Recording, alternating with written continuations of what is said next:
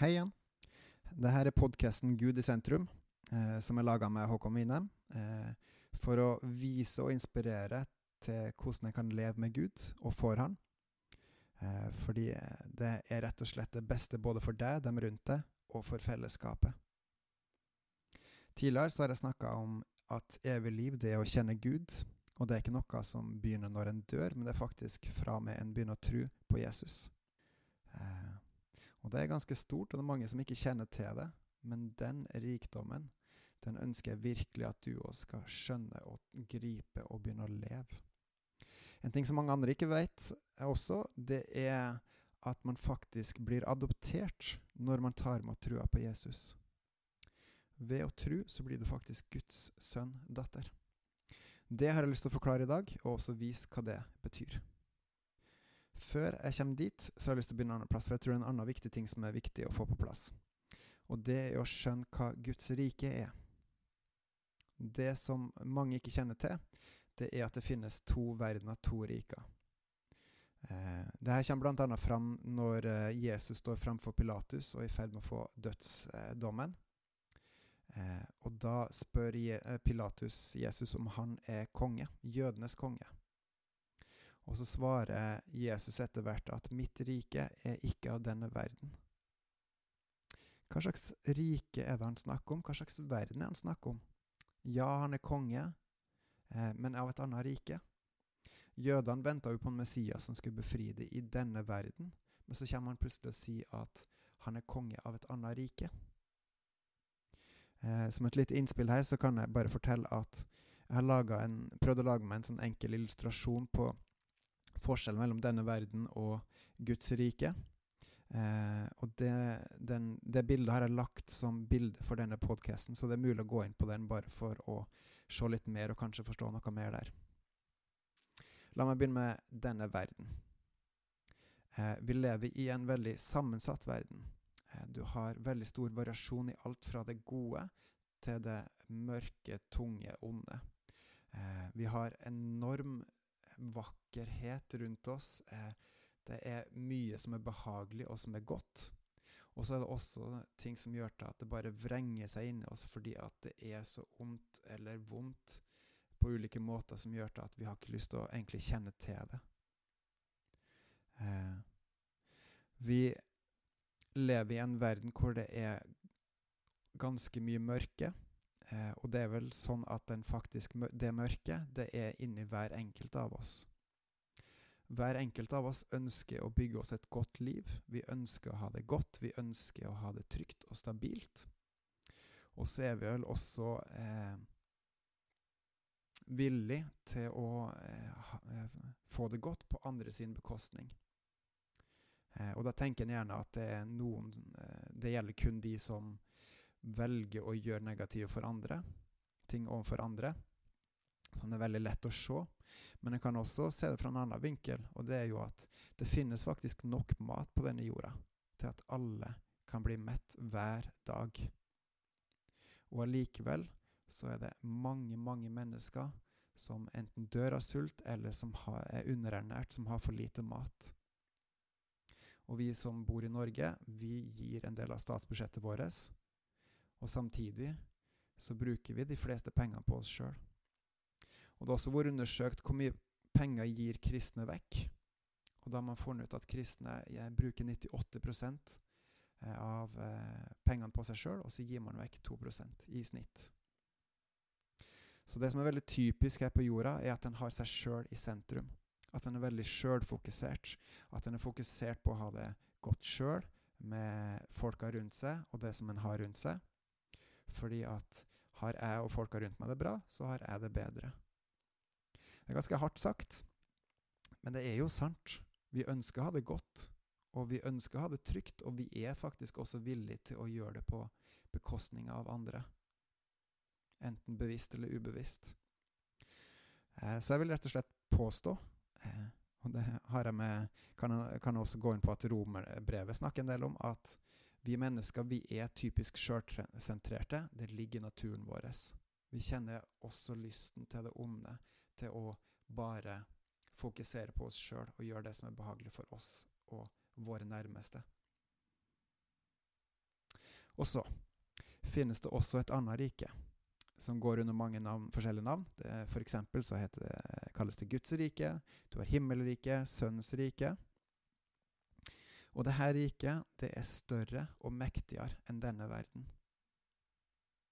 Dette riket det har en utømmelig kraft, det har en fred i seg som ikke noe annet kan måle seg med. Gleden der er helt enorm. Den er ikke kortvarig, sånn som her på jorda, men den er evig. Og det samme med friheten, tryggheten også. Og det himmelriket her det sammenlignes faktisk med en så stor skatt eh, som man finner, at man velger å selge absolutt alt man eier, for å få tak i den. Så stor eh, er den. Eh, det som også er veldig spesielt, er at det rike her kan faktisk hvem som helst få tak i. Men det er bare én måte å få tilgang på den. Og det er at man tror på Jesus og blir adoptert inn i den. Da får han faktisk Guds rike inni seg, som Lukas 17 også bl.a. poengterer. Um, Nikodemus, en uh, jødisk fariseer og en som satt i rådet for uh, jødene, han uh, var veldig interessert i Jesus og det han hadde å komme med. Men han torde ikke å vise det åpenlyst. Så han kom, som det står i Johannes 3, eh, til Jesus om natta og snakka med han. Og en av de tingene som Jesus sa til ham, var at uten at han ble født på ny, så kan man ikke se Guds rike. Og Nikodemus, som var litt oppi årene, sannsynligvis han sier hvordan kan jeg, en gammel mann bli født på ny? Jeg kan da ikke gå inn i mora mi sin mage igjen. Eh, jeg ser for meg hvordan han eh, sitter og er både fortvila og humrer litt. Eh, men så er det det her med Jesus. Han sier, forklarer ting på en helt annen måte. Han får fram at det finnes et annet rike. Og så sier han på samme måte som Moses måtte løfte opp slangen i ørkenen, på samme måte må menneskesønnen opphøyes. Og så kommer de berømte ordene For at hver den som tror på meg, han skal bli frelst.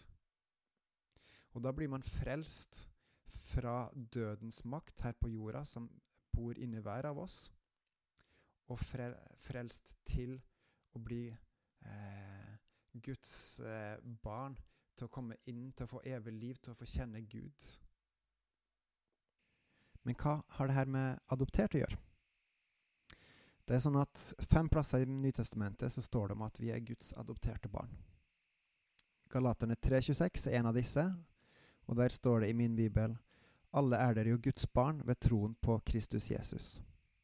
Men egentlig, på grunnskrifta, så står det 'adoptert'. Hva er grunnen til at man i norsk oversettelse har faktisk valgt å ta vekk noe som veldig, eller helt synlig, står står der i grunnteksten, men som man ikke velger å ta med på norsk oversettelse. Eh, det her har nok sannsynligvis med eh, vår oppfatning eh, av adopterte barn i lang, lang tid i Norge. Fordi det har lenge vært sånn at adopterte barn de har faktisk vært mindre verdt enn biologiske barn enn egne unger. Eh, vi har jo odelsrett her i landet. Og da er det sånn at det er den første fødte som har odelsretten. Så hvis man hadde først adoptert barn, og så fikk egne unger etterpå, så gikk odelsretten automatisk til den første fødte ungen, og ikke adoptivungen. Men dette var ikke tilfellet på den tida og plassen som Jesus levde på. For der var faktisk adoptivbarn like mye verdt som eh, biologiske barn. Sånn at arveretten den ble faktisk satt etter hvem, hvilken unge man fikk først, enten det var biologisk eller adoptert. Men for at man skulle unngå her i Norge å få inntrykk av at man var mindre verdt barn, så har man valgt å ta vekk adoptert i oversettelsen og bare skrive at vi er Guds barn. Men hva betyr det at vi er adoptert? Eh, det er så enkelt sagt, men samtidig så nesten uforståelig. Ved å bli adoptert så er vi Guds sønn eller datter. Ved å tro på Jesus så blir vi adoptert av Gud, og da er vi Guds unger. Og ikke sånn at sånn unge at vi skal bare være småunger, men da er vi rett og slett Guds barn. Vi er hans sønner og døtre. Og det å være sønn eller datter av Gud, finnes det noe bedre? Da har du faktisk Gud som far. Og I tillegg så har du også Jesus som bror, som sitter i himmelen og ber for alle sine hele tida. Og det vil igjen også føre til at alle, jeg kaller det ekte kristne, faktisk er dine søsken. At alle de som tror på Jesus, de er dine brødre og søstre. At dersom du er en som tror, så er faktisk jeg og du eh, bror, søster. Det, det, er ganske crazy, og samtidig så er det ganske crazy good også. Fordi at på papiret så er vi skrevet opp i livets bok. Vi er brødre og søstre.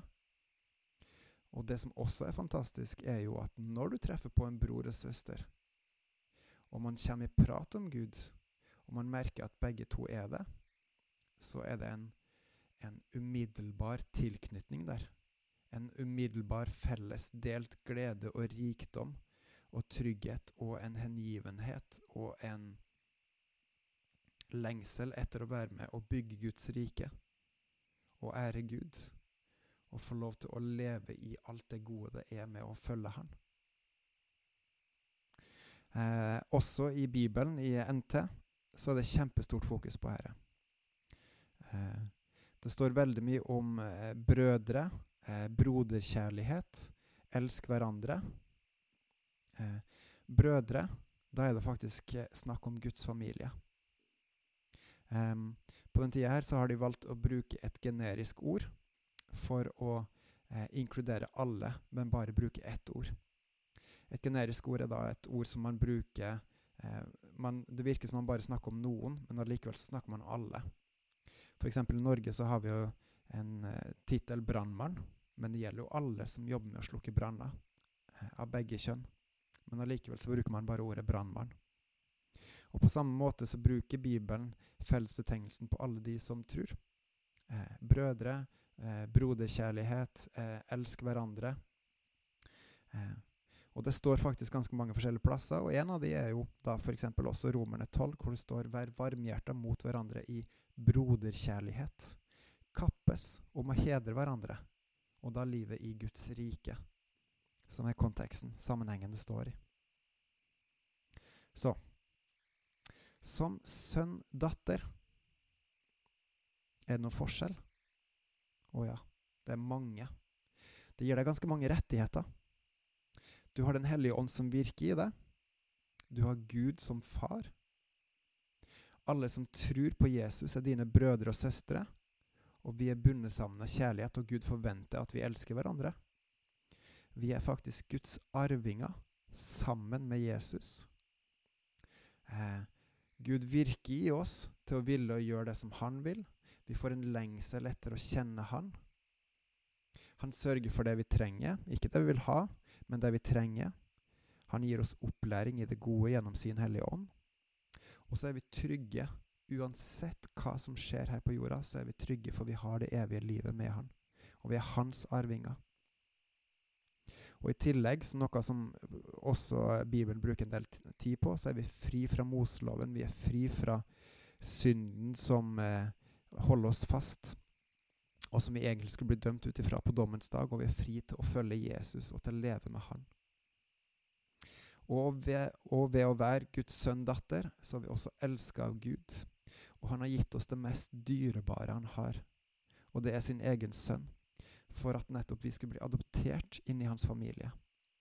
Vær den som tror, frivillig. Og ved det så skulle vi også få kunne kalle Gud for far.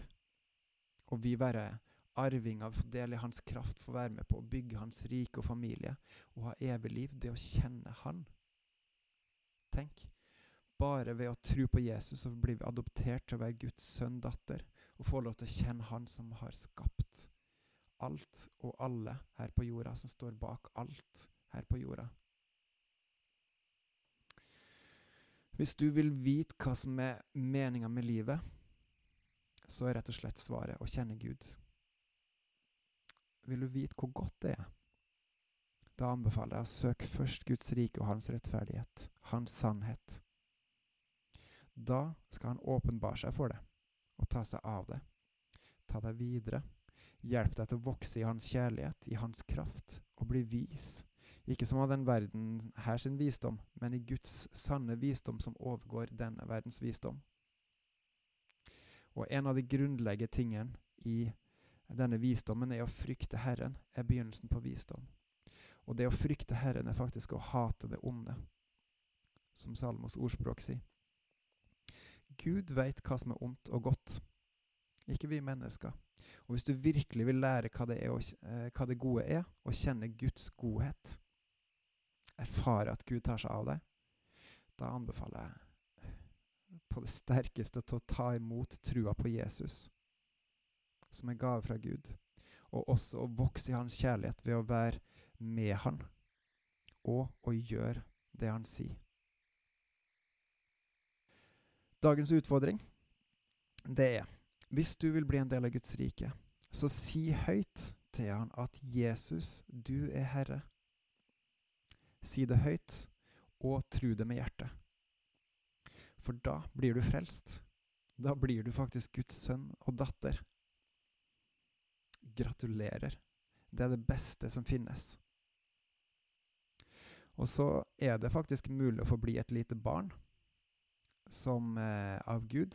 Men det beste er jo faktisk å vokse og modnes og bli voksen i Guds rike. Og hvis du ønsker å vokse i Guds rike, så be Den hellige ånd om å hjelpe deg. Det går også an å snakke med andre som vokser med han, eh, som har kommet lenger, eller som eh, også lengter etter han. Og Samtidig så er det en hellig ånd som bygger tro i deg, som gir deg tro.